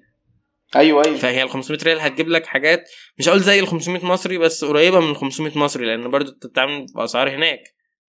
أسعار هناك مقارنة بينا على فكرة يعني لا. غالي قوي آه. يعني مثلا إزازة البيبسي 3 ريال 4 ريال 5 ريال. آه في الحدود دي فعلا. أنا أنا كنت ف... هناك لما كانت بريال ونص. أو كانت آه بريال ونص. ف... إحنا عندنا ازازه الحاجزية كانت بجنيه والله من كام سنة. عادي يعني. مش قصة بس هي ريال ونص برضه هي غالية. آه آه فاحنا بنتكلم بس في الحتة دي. هي فكرة إن إيه كده كده يعني في الحالتين يعني أنت أنت مش بتقارنها كمبلغ كفلوس يعني أنت مش بتقارنها كفلوس أنت بتاخدها. أنت كده كده الفلوس دي والله يا صاحبي كل الناس بيقارنوها كفلوس بصراحة. يعني انت بتفكر أي حد فكر إنه عايز يسافر بره مش عايز يسافر بره عشان جماله وتحضر وخلقت بره لا هو عايز يسافر بره عشان فلوس. كلنا عارفين كده. نقطة ودي مش حاجة تعيب أي شخص عادي إن أنت تفكر في فلوسك وتفكر في رزقك أيوه معلش أنا عندي بص في ناس كده يعني مش عارف قد إيه بس هو بيفكروا في راحة بالهم يعني بنسبة كبيرة. يعني إزاي يبقى عندك راحة بال فاهم قصدي؟ مش عايز أقول لك إن راحة البال هنا في مصر يعني ما فيش هنا راحة بال ولا بس الفكرة برضو إن أنت تبقى وسط أهلك برضو. يعني يمكن دي عشان حاجة أنا افتقدتها فبقول كده. بس لا يعني دي بالنسبة لي عندي أهم بنسبة كبيرة. أصل الفلوس معلش رزقك إذا كنت رحت المريخ أو رحت هنا أو هنا أنت كده كده رزقك مكتوب لك. فاهم قصدي؟ آه أنت بتسعى وبتعمل اللي عليك بس يعني مش مش تضغط على نفسك عشان عشان حاجة. يعني أنت ما دام الحمد لله ربنا مقدرك وتجيب لقمة عيشك دلوقتي فالحمد لله فاهم؟ بس ما تضغطش على نفسك عشان حاجة أكبر وتخسر حاجات كتير. بالظبط. مش عارف المعلومة لا وصلت أنا هلخص اللي أنت قلته دلوقتي في نقطة إن أنت كشخص مثلا لو جالك offer إن أنت تفكر أو تروح تسافر مثلا تشتغل في ألمانيا offer مش أنت اللي تسعى لأن في ناس بتسعى. فكرة السعي إن أنت تروح بره عموما بشكل عمياني أنا شايف إن هي غلط. أنت شايف إيه؟ ان تطلع بره بس مش ما هو أنت مش جاي لك أوفر انت تطلع بره تضبش بره بره عموما بره في أي حتة. فكرة ان تضبش دي وتمشي كده وأنت مش عارف أنت رايح فين؟ يعني أنت تسيب وظيفة هنا في مصر وبتاع وعشان تطلع بره تحوش فلوس خدت فلوسك سافرت بره وربنا يكرم بره بقى. آه لا ما يعني ما مش مش بنصح بيها الفكرة دي اللي هو انت أنت لسه هتدور على شغل هناك لا. صعبة صعبة إنك آه أنت ممكن تلاقي شغل. مستحيلة. أنت ممكن تلاقي شغل بس الشغل اللي هناك ده مش هيخليك تحوش أنت رايح هناك عشان تحوش مبدئيا صح؟ فأنت هتروح تاخد شغل مثلا ب 1000 ريال تصرف على نفسك. ولا آه هتاخد الفلوس دي تصرفها في كده فاهم؟ خلاص كده أنت عملت إيه بقى؟ مفيش وفي ناس هنا مثلا لو أنت متجوز أو عندك عيال ففي ناس مستنيينك تجيب إيه لقمه يعني تجيب اكل أكل ليهم زيادة آه. فلوسك زيادة بس أنت مش بيبقى معاك فلوس زيادة أصلا. أيوه فأنت أصلا أنت هتقول لهم إيه هتبقى في موقف وحش جدا. فاهم قصدي؟ فاولا لو هت لو حد هيسافر ما يسافرش غير إيه قبل ما يتجوز. ما ينفعش برضه يسافر بعد ما يتجوز. يعني متكون عيلة وتروح تسافر وت... وتسافر على ال offer ما تسافرش وخلاص. آه وتسافر على ال offer بص اهم حاجة ما يكونش في ذمتك حد. فاهم؟ لو انت. عايز تخوض كده الحرب ما يكونش في ذمتك حد. ولا ولا اهلك ولا يعني اللي هو حتى يعني مش عايز أقول يعني اللي هو إيه ما, ما, ما تمشيش كده وخلاص. تكون عارف انت هتروح فين. تحدد اهدافك. تكون تقول أنا في شركة كذا كذا كذا هروح اقدم فيهم. فاهم؟ فبس يعني يعني هو ده الحوار كله.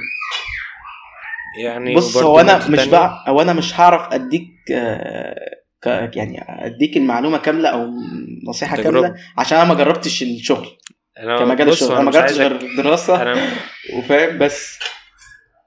لا لا أنا بتكلم معاك في فكرة إن أنا عايز آخد مس... آخدك كمثال للطفل وجهة رأي الطفل في الموضوع لأن أنت الناس اللي بتبقى رايحة بتبقى عاملة حسابها إن هي تروح بأطفالها وتروح بنفسها أو ليها أطفال هنا أو في أطفال. أنا بتكلم فكرة إن حد ربنا يكرمه ويتجوز وبعد كده يقرر هل يسافر ولا لأ فكرة كطفل إن هو شخص مش هيبقى مرتاح عموما عموما لا دلوقتي ولا قدام. بس أنا بتكلم بقى فكرة إن أنت لو جالك أوفر تفكر في فكرة أطفالك أو تفكر في فكرة أهلك أنا عايز أقول لك مش مستريحين بس معلش هو أنا أنا والدي أصلا يعني الحمد لله لما لما جاله ال... جاله حد من الجامعة جامعة تبوك اللي هناك في السعودية.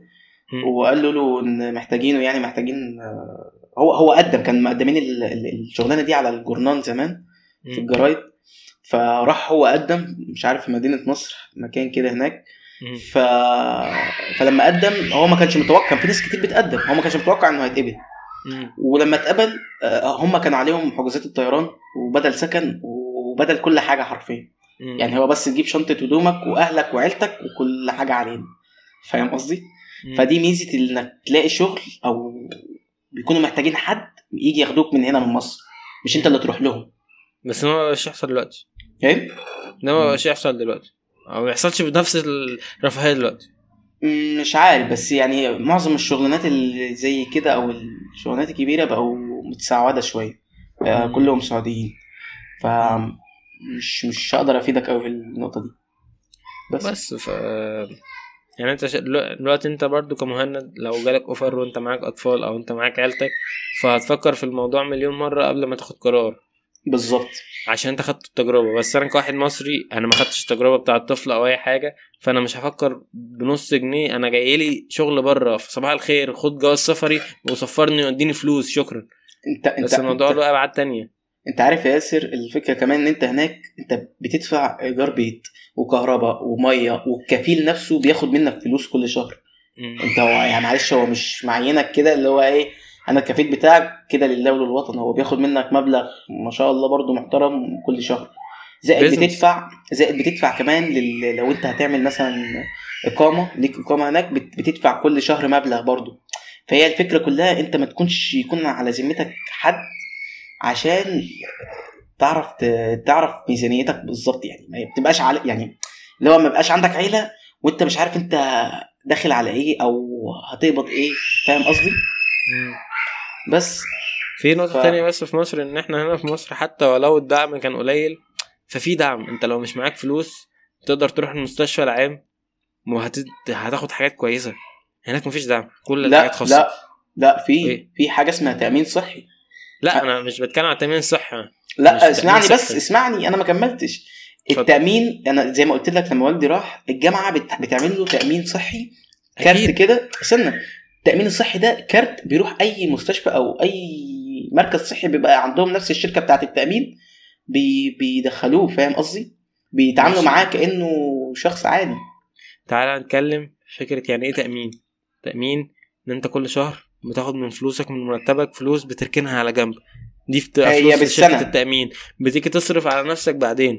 أنا بتكلم هنا في مصر. أنت لو مش معاك تأمين أصلا وعلى الأبيض خالص تذكرة المستشفى العام ب 3 جنيه مثلا. فأنت بتدخل بيكشف عليك دكتور حتى لو مش أحسن دكتور في الدنيا بس بيكشف عليك دكتور. ولو احتجت. رعاية أو احتجت حاجات وموارد بتعملها. هي مش من فلوسك هي من فلوس الدولة. التأمين دي بتبقى فلوسك شركة التأمين شايلها لك. مستشفى خاصة عادي جدا. آه. في فرق في فرق بين الدعم والتأمين. هنا في مصر كان في دعم قبل الثورة وبس بعد الثورة الدعم ده يقل بس لسه في دعم. في دعم على حاجات قليلة بس في دعم. هناك في يعني حتى بالنسبة للدراسة صباح الخير انت تدفع كام في الجامعة؟ ال- المصاريف المصاريف هناك؟ انت دلوقتي بتدفع كام في الجامعة في مصر؟ 1000 جنيه 1000 ونص؟ آه. صباح على الخير،. هناك هناك المصاريف لل... مفيش جامعة للأجانب يعني مفيش قصدي؟ جامعة الأجانب أصلا أو في بس اللي هو مش غالي أوي. خاصة آه فاهم حاجة زي كده حاجة لا أنا هتكلم كسعودي لو أنت سعودي هتدفع في هناك برضه في جامعة 1000 جنيه لا 1000 ريال هم هم هناك. بيدفعوا لك ال- يعني إيه بيدفعوا يعني هناك إيه ثانية الجامعات. الجامعات الحكومية بيدوك راتب شهري كطالب مش عايز مش عايز أقول الكلام ده بس اللي هو دمك بيتحرق دلوقتي. انت دلوقتي يعني اديتني هيد شوت في قلبي. والله يا ابني يعني بيديهم هو آه حاجات يعني رمزية؟ رمزية آه يعني فاهم. بس برضه فاهم انت متخيل؟ يعني ثانية واحدة يعني السعودي مش بيدفع مصاريف جامعة؟ ما لا ما بيدفعش مصاريف جامعة. مفيش. خالص. مفيش مصاريف جامعة. آه، بص آه، أنا ما جرب- ما جربتش بس أنا بنسبة كبيرة لا ما بيدفعش. معلش هو بياخد بياخد آه، عشان معاهم فلوس زيادة يعني؟ لا بص أفهمك حاجة. هناك ال- الطلاب الجامعيين الممتازين أو اللي تقديراتهم دايما عالية بياخدوا مبالغ شهرية. منح ماشي دي منح مش مش لا مش منح. أنا بتكلم في ال average. ال average؟ إيه بالظبط؟ يعني دلوقتي طالب عادي جدا. دخل كليه مثلا زي حاسبات بينجح. بمقبول عادي. آه. بياخد فلوس؟ لا مش عارف بس فكرة إن بياخد بيدفع فلوس؟ فلوس لا هو ما بيدفعش فلوس. هو ما بيدفعش بس, بس الناس اللي بتاخد فلوس. آه هو ممكن الناس ياخد فلوس. الناس, الممتازة. الناس اللي بتاخد فلوس دول يعني في نسبة كبيرة بدل- بتاخد منهم بياخدوا راتب. والله العظيم يعني عالم حلوة بس ليهم يعني. إحنا يا بنتكلم- ابني أنا عايز أقول لك إن أنا في امتحان كده امتحان اسمه امتحان قياس. يعني اللي راحوا السعوديين عارفين امتحان قياس امتحان قياس ده آه، امتحان قدرات أو قياس الامتحان ده بيبقى عبارة عن كمي ولفظي اللي هو لغة عربية و... ورياضة. ال... ال... ال... هناك بتخش تمتحن في الجامعة في في قاعات تبع الجامعة كده. ف يعني تخش الجامعة بتاعتهم ما شاء الله حاجة حاجة روعة. أحسن عندهم كريب العشري. عندهم كريب ابن العشري يا عم كريب من عشري إيه بس؟ هناك ما فيش حاجة اسمها مدرجات يعني المدرجات دي مش موجودة. مش عندنا مدرجات. classrooms مش مدرجات. كل واحد بال... بال... بال course بتاعه. بالكرسي بتاعه بالظبط. ما هي classroom مش مدرج. لا في في في مكان في كبير. درجات مش آه بس بيبقى فيهم كراسي برضو فاهم؟ مش مش مش مدرجات. بعيدا عن فكرة المدرجات هناك التعامل يعني حتى في الامتحان بي بي بيعاملوك اللي هو إيه يجيبوا لك المية ويجيبوا لك كيس كده تحط فيه الموبايل بتاعك وحاجتك اللي مش هتستخدمها وقت الامتحان وتحطها تحت الكرسي. فاهم؟ ما بيبقاش قدامك غير المية و- ويديك ازازة مية كده وورقة الامتحان. ازازة مية؟ يا عم اسكت ده ساعات بيوزعوا قهوة وتمر قهوة وتمرين يعني لو لم أكن مصريا لو وددت أن أكون سعوديا. بص فأنا بتكلم في الحتت دي الصراحة دي اللي بس بت- يعني بص إحنا بنتكلم فكرة تانية عشان ما إحنا دخلنا في موضوع. تاني. آه. آه. إحنا دلوقتي مصريين. لينا اللي لينا وعلينا اللي علينا. إحنا راضيين باللي إحنا فيه. جميل. وآه إحنا كمصريين بالنسبة لما تعاملنا بيننا وبين بعض كأطفال ممكن يبقى أحسن من تعامل السعوديين بينهم كان بين بعض. آه بالظبط. وكمصريين لو حصلت أزمة إحنا اوريدي في أزمة. فاحنا عندنا التكيف أعلى. بس في السعودية لو حصلت أزمة صباح الخير. آه هينهاروا. هينهاروا كلهم. آه لا يعني لأن هم متدلعين قوي. ليهم عندهم فاهم مستوى معيشي معين ماشيين عليهم عليه عليه طول عمرهم. فإنهم يحصل عندهم أزمة في المعيشة. ودي طبعا من مستحيلات لأن الحكومة السعودية ما شاء الله يعني آه، ربنا يعني ربنا؟ كبير يعني. ربنا كبير. بس ف إحنا مش بنقول كده حاجة إحنا بنقول اخواتنا السعوديين إحنا بنقول بس إن إيه عادي جدا إن أنت تبقى إحنا مسؤوليتنا أكبر. الحلقة دي هنتشال كلنا آه، وهنتبند. وهنروح لنا استدعاء من السفارة وإيه. خلاص. بص بقول لك إيه. هل لديك أقوال أخرى بصراحة؟ آه والله. في حاجة معينة عايز تتكلم فيها؟ ما اتكلمناش فيها. عادي إحنا البودكاست بتاعنا والوقت بتاعنا وما تبصش في الوقت. والله كان في كان في مواضيع. قول يا فكرة صاحبي. فكرة ال ال ال اللحظة اللي انت نزلت فيها على أرض البلاد فاهم؟ أرض الوطن. أرض الوطن آه. نزلت؟ سجا... نزلت آه ساجدا يعني فكرة إن أنت إحساسك إيه هناك وفكرتك عن مصر وإحساسك دلوقتي وفكرتك عن السعودية.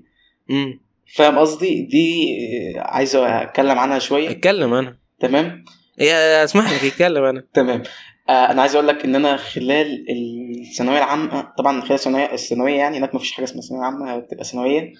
ثلاث سنين تراكمي. الفكرة بقى إن خلال الفترة دي آه أنا كنت بفكر كتير قوي في مصر. وإن أنا نفسي أعيش في مصر بقى وخلاص وزهقت كل شوية أروح وأجي أروح وأجي. مصر هي أمي. آه، عارف أنت. شمس ابصار النشيد الوطني بيمشي في الخلفية طول ما أنت ماشي آه. بلادي. بلادي أصل أنت أنت هناك بتبقى محبوس أنت حرفيا بتبقى صحابك قليلين صحابك تعدوا على الصوابع فاهم؟ وإذا خرجتوا بتخرجوا مكان واحد أنتوا ما تعرفوش حاجة فاهم؟ البيك. تخرجوا في البيك. لا مش البيك أنا كنت عايش في منطقة بعيدة عن البيك شوية. يعني كنت بتروح البيك في المناسبات يعني. كل أسبوعين أسبوع. آه ماشي ماشي كنت كنت بروح أعمل عمرة و... وآكل من البيك يعني فاهم؟ كل أسبوعين. آه إيه، أصل هناك أنت أنا كنت بيني وبين أروح أعمل عمرة وآكل بيك كل أسبوعين. تمام أنت أيوة. تمام جدا. ما أنا بقول لك أقول لك أنت هناك أصلا بينك وبيني وبين المدينة كان حوالي 400 كيلو. تبوك 450 حاجة زي كده. تبوك. ومن المدينة بقى لمكة مفيش يعني فاهم؟ فكنا بنطلع يعني كل أسبوع أو كل أسبوعين وكان سعرها رمزي طبعا أنت بتطلع باصات فاهم عارف أنت رحلات الباصات وكده. فبس فبنقعد خميس جمعة وبنرجع السبت فاهمني. بس فالفكرة يعني المقصد ان إن أنا إيه كنت كنت بفكر في مصر جدا أقول إمتى بقى أستقر وأروح وأفضل في مصر أصلا كنت باجي هنا إيه عارف أنت شهر ولا شهرين وأمشي تاني ما بلحقش أشوف الوحش أو مش عايز أقول الوحش الكلمة دي مش ما بلحقش يعني أشوف كل. مصر بشكل عام يعني عينيا ما بتكونش شايفة كل حاجة في مصر بتبقى شايفة الحلو بس اللي هو برجع بشوف الحلو بس في الإجازات وكده. بس فالحمد لله يعني لما رجعت آه، الحمد لله يعني أهو بقيت مبسوط شوية. أول سنة بتاعت الجامعة ما شاء الله يعني كنت مبسوط. أه كنت بتمرمط بس الحمد لله كنت مبسوط شوية. وبعد كده إيه شوية شوية بدأت أدخل في الجد بقى. هو جد طبيعي يعني مش الجد المصري يعني مش المصري اللي وحشة بس هو الجد العادي يعني. أه إحنا بدأنا هو الجد الجد بالنسبة لي يعني بالنسبة للناس اللي عايشين هنا لأ عادي. الموضوع عادي فاهم؟ متعودين. لكن أنا الجد كان رفاهية بقى. لا. فكرة يعني الرفاهية اللي هناك. لا وكمان ال... ال... يعني سيبك من كده الدراسة الدراسة أنا كنت بس متعود على مستوى معين. أنا كنت حرفيا كنت في عالم تاني و... وجيت هنا في عالم تاني تالت خالص. الدراسة هناك أسهل كتير؟ مش أسهل كتير. هي الدراسة قدامك الكتب قدامك فيها فيها كلام و... وأنت تذاكر. بس أنت بيجي. لك حاجة سهلة بيجي لك المراجعة في الآخر. فأنت هتذاكر ليه؟ الكتاب ملوش لازمة. فأنت بيجي لك. يعني فاهم؟ أنا في السن ده اللي هو هذاكر ليه؟ ما أنا قدامي المراجعات. فعلا كنت بعمل كده. بس جيت هنا بقى اتصدمت بالإنجليزي. يعني عايز أقول لك دي أزمة أي طلاب بيدرسوا في السعودية وجم مصر ما الإنجليزي. بياخدوش إنجليزي؟ خالص. يعني يعني كلمة إنجليزي بالنسبة لنا هناك إحنا ما بدأناش ناخد إنجليزي إنجليزي غير في تالتة إعدادي أو أولى ثانوي. فاهم قصدي؟ اللي هو ناخد كلمات بقى وجمل وجرامر وكده فاهم قصدي؟ بس والحمد لله بقى بعد ما جيت هنا. آه تمام آه بدأت بقى إيه طيب أتعود. تقييمك لثلاث سنين آه بدأت أتعود شوية فاهم؟ لا أنا بتكلم دلوقتي عايز تقييم لثلاث سنين من عشرة يعني الثلاث سنين اللي قعدتهم في مصر تقييمك لمصر من عشرة بالحلو وبالوحش بكل حاجة ما بقول لك تع- يعني ممكن نديهم سبعة أو ستة من عشرة. اللي هو أنا كارم شوية بس هي الفكرة إن خلاص الواحد اتعود شوية. اتعود يا شوية. صاحبي شكرا. أنا عايز- بلدك. يا ياسر أبسطها أبسط حاجة الحكومة هناك أنت أي مصلحة حكومية تعملها هناك. يا صاحبي ما تتكلمش في الحكومة. البتاع ده بتاعي بسيط أنا لا. لا لا سحب. بسيطة حاجة بسيطة حاجة في مجال لا ولا أي يا عم حاجة. يا عم حاجة في مجال يا عم ماشي يعني ابسطها هناك في موقع اسمه موقع أبشر. موقع أبشر ده بتعمل من عليه كل المصالح الحكومية اللي هي تخص ال- ال- الشخص اللي جاي من مصر مثلا أو الأجنبي بشكل عام. التأشيرات بقى والزيارات وكله. فاهم؟ فأنت ما بتروحش أصلا ال- الم- ال- المقر بتاعه أنت بتروح. تكتب بس على جوجل أبشر تعمل كل حاجة. يقول لك أبشر. أبشر يا تيمور. أيوه أبشر يا تيمور بالظبط. بس ف وتساهيل طبعا كل الحاجات دي تبع خلاص يا صاحبي ما تعيطناش بقى إحنا بنقول مصر جميلة.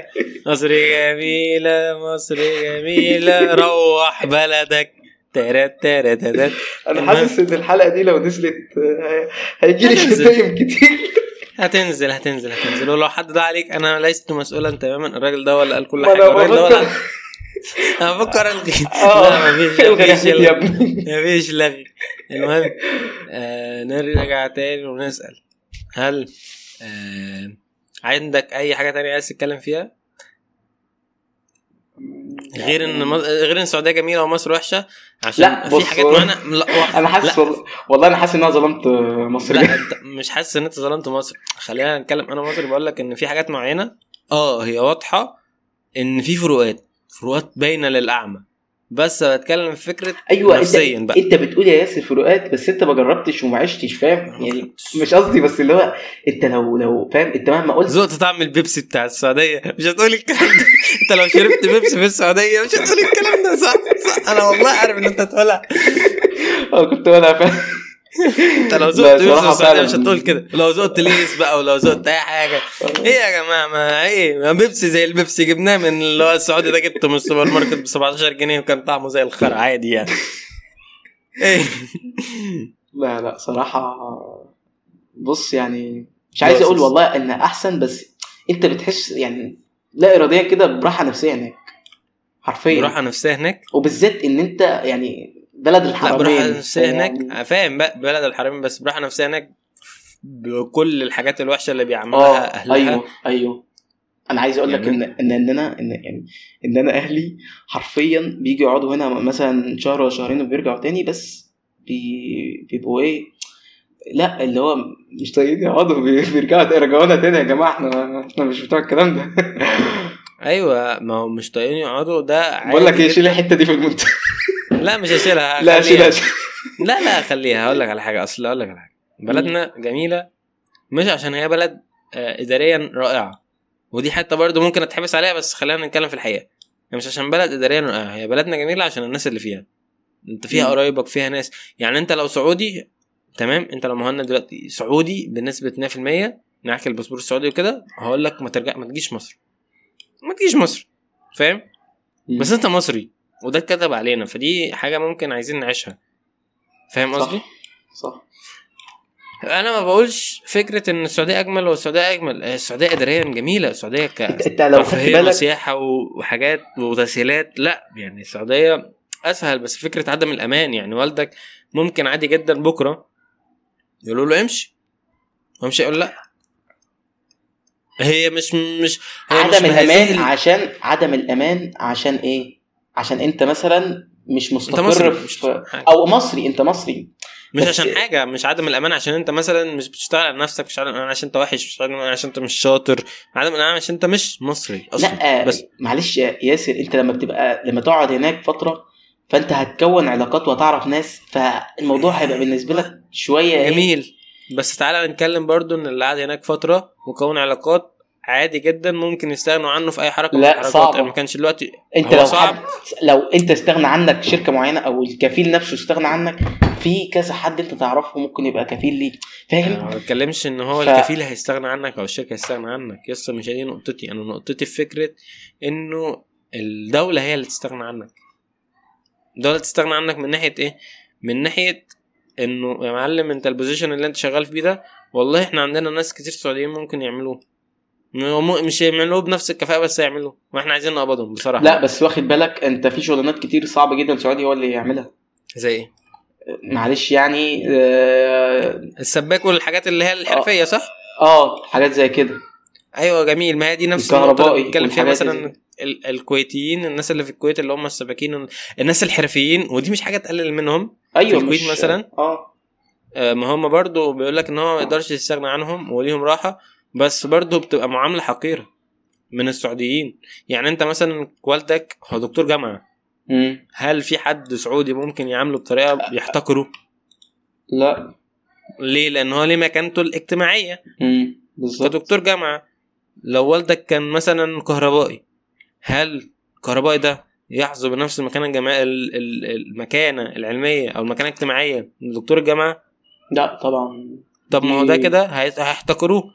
وهنا بقى لا صباح الخير تنمر الكبير وز- على الكبير والصغير. صح. مع انه والله أنت عارف يعني معظم المكتسحين السعودية تلاقيهم بنجلاديش و... بنجلا البنجلاد آه، والهنديين آه. بس هم مش هم عرب. دول. فالموضوع مش قارح عليهم في نفسيتهم. أنا عربي زيك يعني أنا المفروض إن إحنا أخوات في اللغة على الأقل خالص.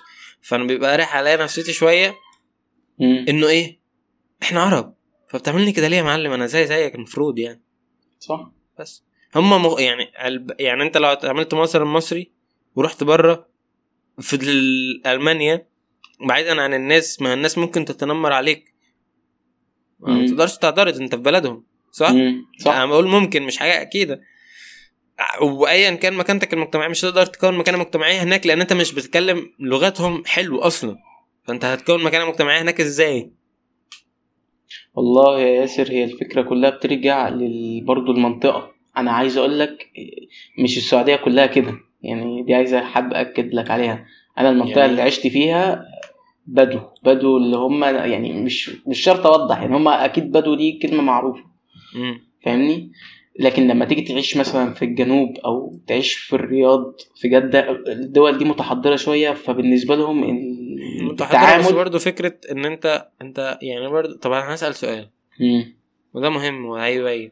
السعوديين زي ال- الكويتيين في حتة التعامل أنا ما اتعاملتش مع كويتين يعني بس على حسب اللي أنت سمعته لأن إحنا سمعنا كتير فشخ. ما هو برضه مش عايز أقول لك يعني مش شرط اللي تسمعه يعني فاهم؟ هو الخليج كلها اسطمبة واحدة.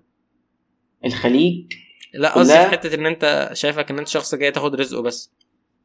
ده اللي جابك عموما. سؤال يعني ده سؤال في المطلق أنت إيه اللي جابك؟ آه فهمت قصدك.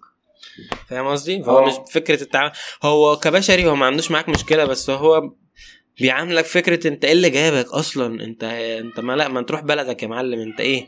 انت هتجبلنا ما بتحسش عارف لما يبقى في حد بعيد عندكم وانت عايزه يروح ومش هو حاسس ان هو تقيل عليك. امم هي دي الفكرة اللي أنا بتكلم فيها. والله أنا أنا الموضوع الموضوع له ابعاد أنا كتير. عايز أقول لك يعني آه الحوار ال- ال- ال- العنصرية وكده لا يعني دي موجودة في كل البلدان بس في الخليج بشكل تاني يعني بتبقى نسبتها أكبر. حتى يعني لو هي مش عنصرية على شكلك هي مش عنصرية على حاجة هي بس أنت مش مرغوب. مم. صح؟ أيوه أيوه.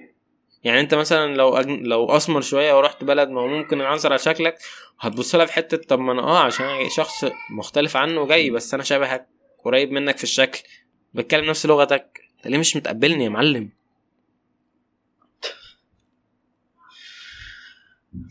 صح؟ الموضوع كبر صح؟ حاسه آه لا حاسس يعني إن ادينا الموضوع أكتر من- يعني مش أكتر من حجمه بس هي فكرة إن في ناس كتير ما بتاخدش الحسابات دي الحسابات دي ما بتتحسبش في القرار. يعني بتكلم برضو فكرة إن أنا عارف ناس كتير أخدوا والله. قرار إن هم يروحوا يقعدوا بره مصر ما حسبوش الحاجات دي وبيجوا على نفسهم كتير عشان يجوا بس لما بنيجي نتكلم بقى على بتيجي على نفسك عشان الحته المادية ونرجع بقى لنقطة إنه ماديا ماديا ما بقاش في فرق كبير. أيوه. أنا زي ما قلت لك إيه؟ أنا أنا في ناس أعرفهم يعني عايشين هنا وما شاء الله مستواهم المعيشي أحسن بكتير. فهي مش معادلة هي مش معادلة آه مش شرط تكون سافرت بره عشان تعمل لا هي مش معادلة إن هو اللي سافر بره فلوسه أحسن من سافر هنا أو اللي قاعد هنا فلوسه أعلى لا هي كل واحد ظروفه وكل واحد حالاته وكل واحد اختياراته في الحياة اللي ربنا بيوفقه فيها وكل واحد رزقه عموما اللي بيبقى بيختلف من شخص والتاني بس. برضه يعني أنت ما تاخدش القرار بتهور يعني في حسابات كده المفروض نقعد نحسبها صح. بس هقول لك إنه برضو مع احترامي الشديد لوالدك أنا ما شفتوش شخصيا وما أعرفوش شخصيا. بس أنت والدك في أي وقت ممكن يقولوا له سلام عليكم روح بلدك مش دلوقتي مش بنفس هذه الدرجة طب بس ما هو قالوا له ما أنا بقول لك هو قعد أصلا في الجامعة 8 سنين من 2002 ل 2010 وبعد كده الجامعة مشيت آه، مشي من الجامعة بس, بس إيه- السعادة اللي حصل؟ زي كده إيه اللي حصل؟ هو رجع تاني. كون كون صداقات. عنده ناس يعرفهم كتير. فده سنده شوية. فعرف يخش إيه؟ يبقى يعني تاني. آه لا مش يخش الجامعة بقى. اشتغل مشرف في في كل في مدرسة خاصة. مم. مشرف لغة عربية في مدرسة خاصة. فاهم؟ فهي آه مش نفس المستوى بس على الأقل ما إيه؟ ما ما يعني خلاص اللي هو قعد 8 سنين فصعب إن هو يرجع يعمل كارير تاني من أول هي المشكلة. بقى إن أنت قعدت هنا؟ فترة فأنت صعب إن أنت ترجع هنا تعمل حاجة لأن أنت اوريدي آه. هناك. أنا عايز أقول لك يعني- كمان إن إن إن إن, إن والدي أصلا أو معظم الناس اللي بت بتسافر في ناس كتيرة ما بتسيبش شغلها اللي هنا في مصر وتسافر. تاخد أجازة. بتاخد حاجة زي أجازة آه فبتعمل الأجازة دي وتسافر فاهم قصدي؟ عشان لو رجع لا قدر الله في أي وقت يبقى شغله موجود هنا. فاهم بس انت هسألك سؤال يعني انت لو والدك أنا عارف ان انت القرار ده مش في إيدك أو انت ما مش كده بس انت والدك لو بص ان هو من يعني نط في المستقبل أو شاف اللي هيحصل له في الثمان سنين دي كان هيقرر ان هو يقعد هنا ولا يمشي؟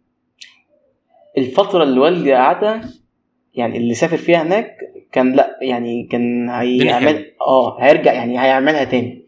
امم لأن كانت الدنيا كانت كويسة جدا وحلوة. لكن اللي هيسافر دلوقتي الموضوع بقى أصعب بكتير. يعني فاهم؟ أصعب أصلاً. بمراحل. آه مختلف فاهم؟ يعني أنت زمان ما كانش فيه ضرايب على على الحاجات اللي بتعملها تبع الحكومة وكده اللي هو الإقامة وال- والتأشيرة. كان في كا- كانت السعر أسعارها حنينة شوية. دلوقتي لا أنت بتدفع كل شهر. يعني مثلا لو جبت مش عايز اتكلم في الحوار ال- ال- ماديات ما تتكلمش في الماديات بس مش يعني ماديات. مثال أنا قصدي يعني بشكل عام فكره إن أنت يبقى معاك مرافقين بتدفع عليهم كل شهر مبلغ. مم. كل شهر بتدفع لهم مبلغ عشان يقعدوا معاك بس. فاهم؟ اللي هو أصلا أنت كده كده بتدفع لهم إيجار شقة وكل حاجة بس برضه بتدفع لهم مبلغ عشان قاعدين في السعودية. فأنت ليه تدخل نفسك في الزون ده؟ أنا والدي ما قدرش يجي يكمل حياته هنا عشان خلاص اتعود على هناك وصداقته هناك ويعتبر بقاله كام سنة ما شاء الله قضى يعني. فترة من عمره جميلة هناك آه كويسة. فخ... آه فاللي المعيشة هناك بقت خلاص بالنسبة له يعني ده أحسن حاجة إلا لو حصل أي ظرف لا إراديا منه يعني فاهم؟ مش لا إراديا منه لا إراديا ساعتها بقى هتبقى من الدولة. آه يعني مش من منه الدولة. ومش من صاحب العمل. والله هل عندك اي بص يعني نوصل في الحتة دي إن إحنا أنت المشكلة؟ أنت بتكلمني في حوارات أنا ما عشتهاش فانا أنا كل اللي بقوله. آه فعشان كده أنا لا الدنيا مش- متفق الا فاهم؟ نتفق إن هو يعني دي رسالة لأي حد بيسمع البتاع ده وعايز يقعد بره احسبها بطريقة أعمق من كده ما تحسبهاش بالطريقة السطحية اللي بنحسبها بيها يعني فكر فيها بطريقة أعمق من كده هل عندك مم. أنت أي أصلا حاجات تانية عايزه تقولها على التجربة أو على على السعودية أو أي حاجة عموما عايز أي حاجة تقولها في الحلقة دي؟ تضيفها يعني؟ والله إحنا يعتبر قلنا كل حاجة بس يعني في نقطة بس اللي هو إيه نصيحة كده أخوية. اتفضل. حاول يعني يحاول ي... ي... بز... استنى بس عشان كنت فاكر. است- استدعي mood الحكمة mood الحكمة. رجع ظهرك كده. تمام وإيه رب دقنك روح رب دقنك وتعالى. يا عم لا لا مش mood الحكمه بس هي الفكرة بس إن أنا إيه كل ما آخد الموضوع جد مش عارف بضحك ليه.